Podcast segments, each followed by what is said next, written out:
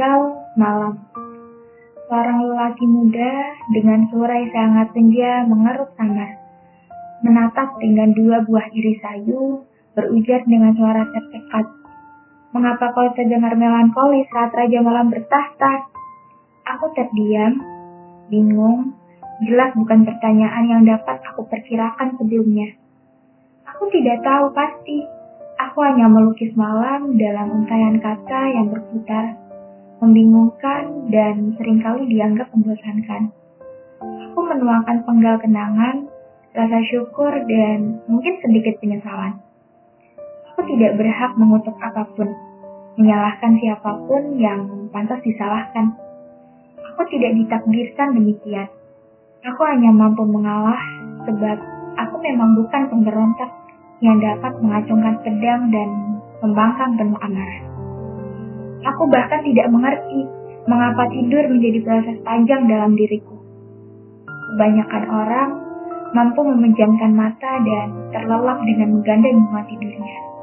Semudah menghirup kupul uap teh di pagi hari. Penat yang senantiasa berkelayut mesra, enggan berpisah dengan raga yang remuk. Memori mengenai apa yang terjadi hari ini bergulir. Kaset-kaset yang merekam memutar kembali gulungan kita kusut yang bergerak lambat. Hari ini, aku melakukan kesalahan apa? Mengapa aku melakukan itu? Tidak, itu bukan salahku. Aku harus bagaimana? Aku memiliki banyak pertanyaan. Lantas, kepada siapa? Kepada siapa aku harus mengait perhatian? Siapa yang peduli dengan masalahku? Bahkan, aku yakin Seekor jangkrik pun tak sudi meminjamkan telinganya. Alih-alih mendengarkan, ia justru bersuara nyaring menertawakanku. Mengapa penutup hari begitu sulit aku dapat? Aku ingin terlelap tanpa harus berkerut dahi memikirkan segala sesuatu yang sudah terjadi. Apa yang terjadi di esok hari? Aku tidak ingin peduli dengan semua itu. Agaknya Aku terlampau memaksakan diri. Isi kepalaku berasap. Aku bahkan tidak mampu mengulang hari. Aku bukan penerka yang kapabel dalam meramal masa depan. Hal paling krusial di sini mengenai alasan mengapa aku hidup. Penaku mengukir untayan kata congkak, seolah sirkuit dalam kepala tak pernah habis untuk dijelajahi. Jangan pertanyaan, yang gencar menyesaki sudut-sudut kewarasan. Tidak menyisakan sedikit pun spasi untuk sekedar mengingat bahwasanya kau tak harus menyenangkan semua orang. Kau bisa mengucapkan kata tidak setiap kali kau merasa tak nyaman. Kau tidak dilahirkan untuk mewujudkan angan-angan orang lain. Dan untuk itu, kau tak perlu merasa bersalah jika di kemudian hari kau gagal. Kau sudah melakukan konsep yang terbaik untuk hidupku dan ya, aku melupakan konsep paling krusial itu. Dia menepuk pelan pundakku. Kau tak apa. Aku hanya tersenyum simpul, jelas enggan menjawab. Hari ini melelahkan. Aku ingin segera menggapai awan dalam balutan selimut yang hangat. Lantas, mengapa dia tidak kunjung pergi?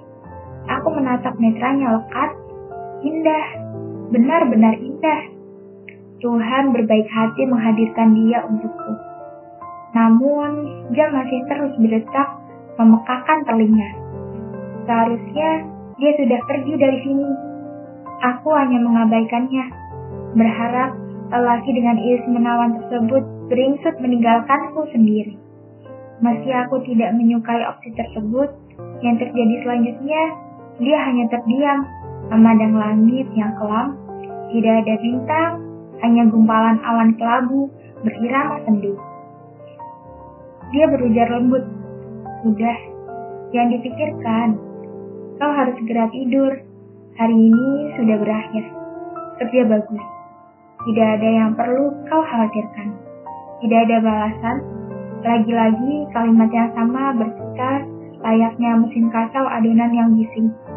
Ratusan kali aku mendengarnya. Membosankan, aku hanya akan menemukan diriku dengan ketakutan yang sama esok hari. Lalu dia bilang apa tadi? Tidur. Bagaimana aku bisa tidur jika dia terus berada di sini? Baik, aku akan tidur. Kau bisa pergi sekarang. Jangan bodoh. Aku tidak akan pergi sebelum kau terlelap. Aku tahu ini tidak akan mudah. Aku memang tidak seharusnya memiliki hubungan dengan dia. Tapi jika dia tidak ada aku, pasti tidak memiliki teman untuk kesekian kalinya. Manusia itu rumit. Tuhan menciptakan mereka dengan rentetan tabiat buruk. Tidak percaya? Aku atau bahkan kau sekalipun dapat membuat iblis memekik geram. Bagaimana tidak? Manusia terlampau kapabel dalam mendidik buruan, membuat berbagai kesalahan dan dengan hati yang entah lenyap di telan apa mengatakan bahwasanya mereka ada di bawah kendali iblis. Lihat, titik sekali bukan? Bagaimana mungkin kau menjelma menjadi tersangka utama atas kesalahan yang tidak kau perbuat? Tidak heran, iblis sangat membenci manusia. Mungkin memang benar, aku yang seperti ini lekat dengan campur tangan iblis. Jangan konyol, mungkin saja iblis tengah menggerutu di sudut ruangan sebab kembali menjadi domba hitam. Well, aku tidak tahu harus bersyukur atau malah sebaliknya. Dia mengusap pelan pipiku, jemarinya hangat, dia berujar lirih. Aku akan selalu ada untukmu. Ketika aku tersadar, aku tidak boleh seperti ini. Harus kembali menelan pil dari dokter agar dia benar-benar lenyap.